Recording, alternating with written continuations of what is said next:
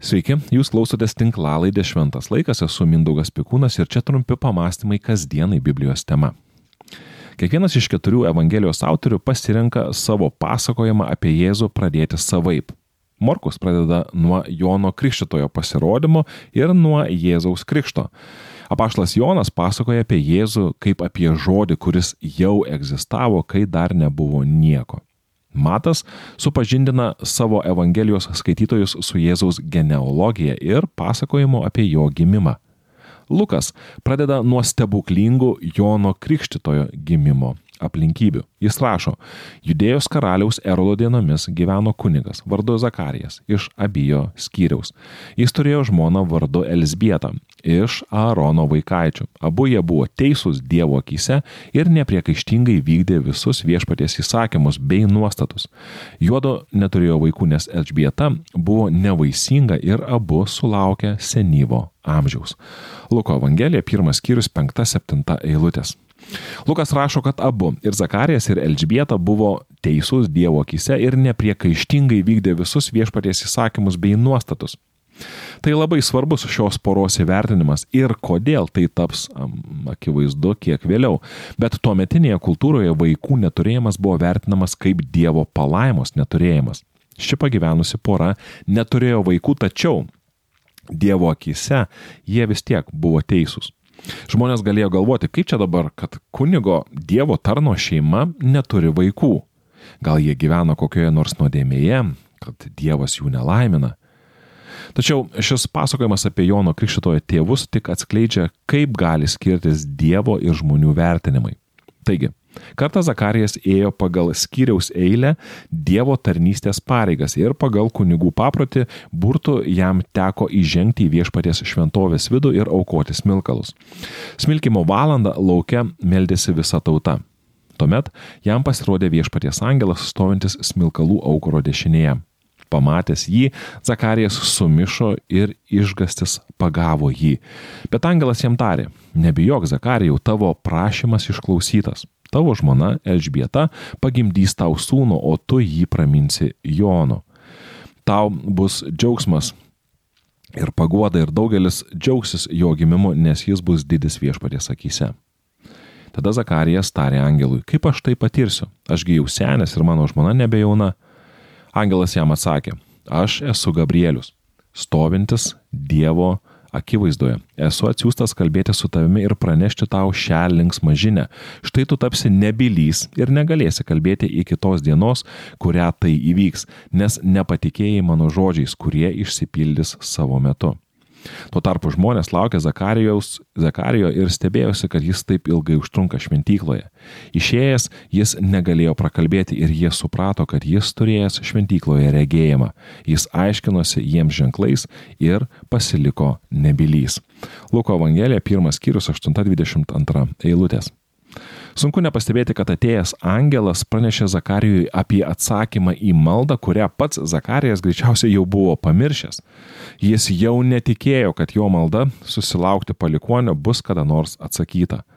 Tai tik primena, kad nei viena iš mūsų išsakytų maldų nelieka Dievo užmiršta, bet tai taip pat primena, kad tinkamiausio laiko maldą išpildyti mes ir nelabai kad žinome. Lieka melstis ir pasitikėti. Ir kartais Kaip liūdija mums šis pasakojimas, atsakymas nepriklauso nuo mūsų tikėjimo ar netikėjimo. Galiausiai lieka tvirtas pasitikėjimas Dievo gerumu ir išmintimi.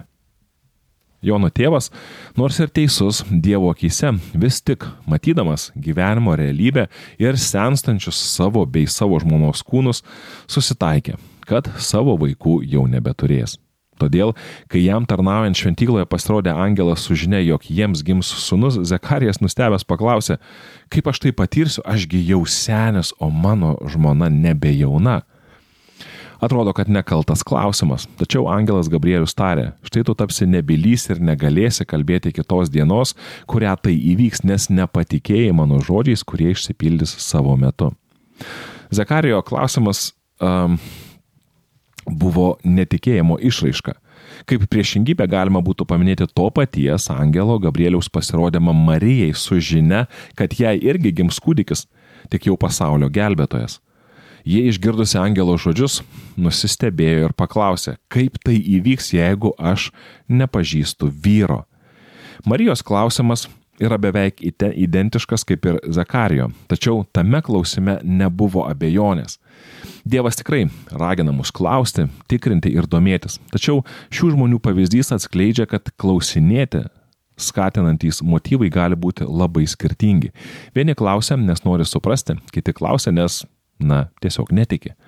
Tačiau šiuose dviejose pasakojimuose atsiskleidžia labai įdomus paradoksas. Jau minėjau, kad į Elžbietos ir Zakarijo maldą buvo atsakyta net ir tada, kai jie netikėjo, kad susilauks kokios nors reakcijos iš Dievo. Marijos atveju ji gavo iš Dievo tai, ko net nesimeldė. Marija žinoma greičiausiai norėjo tapti mama ir turėti savo vaikų, tačiau ji dar nebuvo net vedusi ir visko gali būti, kad į Dievą net nesikreipė malda susilaukti vaikų. Man šie du pavyzdžiai primena, kad nors ir esame kviečiami melstis, vis tik turime nepamiršti, jog Dievas yra visagalis ir veikia mums iki galo nesuvokiamos išminties vedinas. Dievas atsako į mūsų maldas.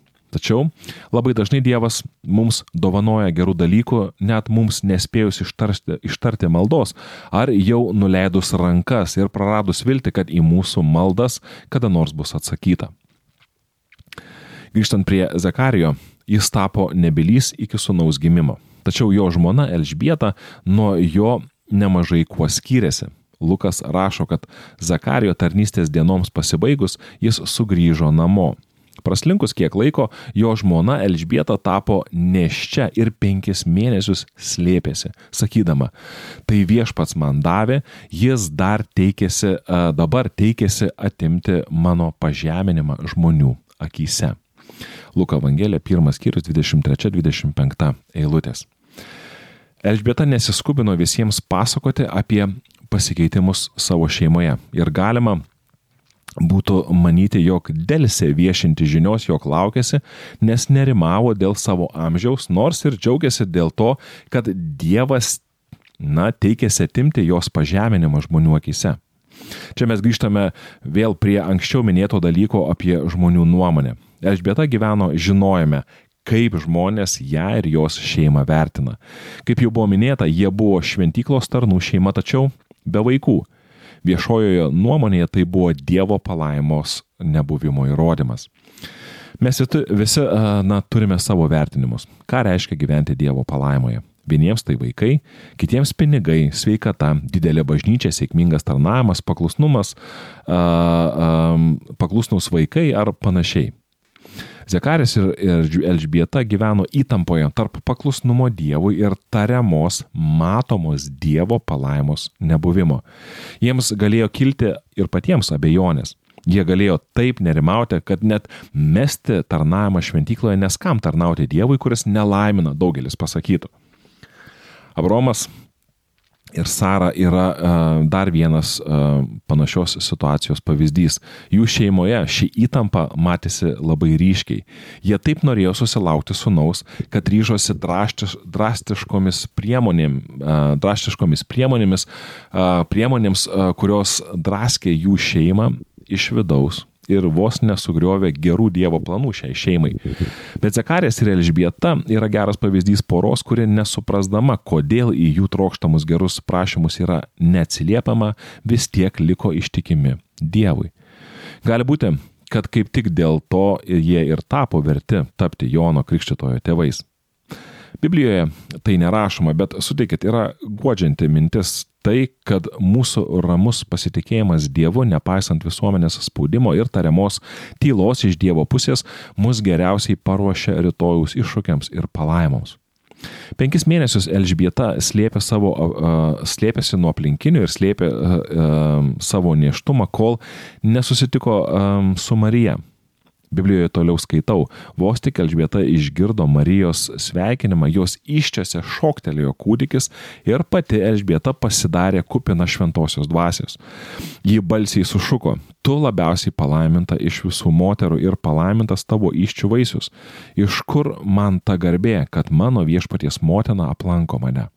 Štai vos tik tavo pasisveikinimo garsas pasiekė mano ausis, šoktelėjo iš džiaugsmo kūdikis mano iščiose, laiminga įtikėjusi, jog išsipildys, kas viešpaties jai pasakyta. Luko Evangelija, pirmas skyrius 41-45 eilutės.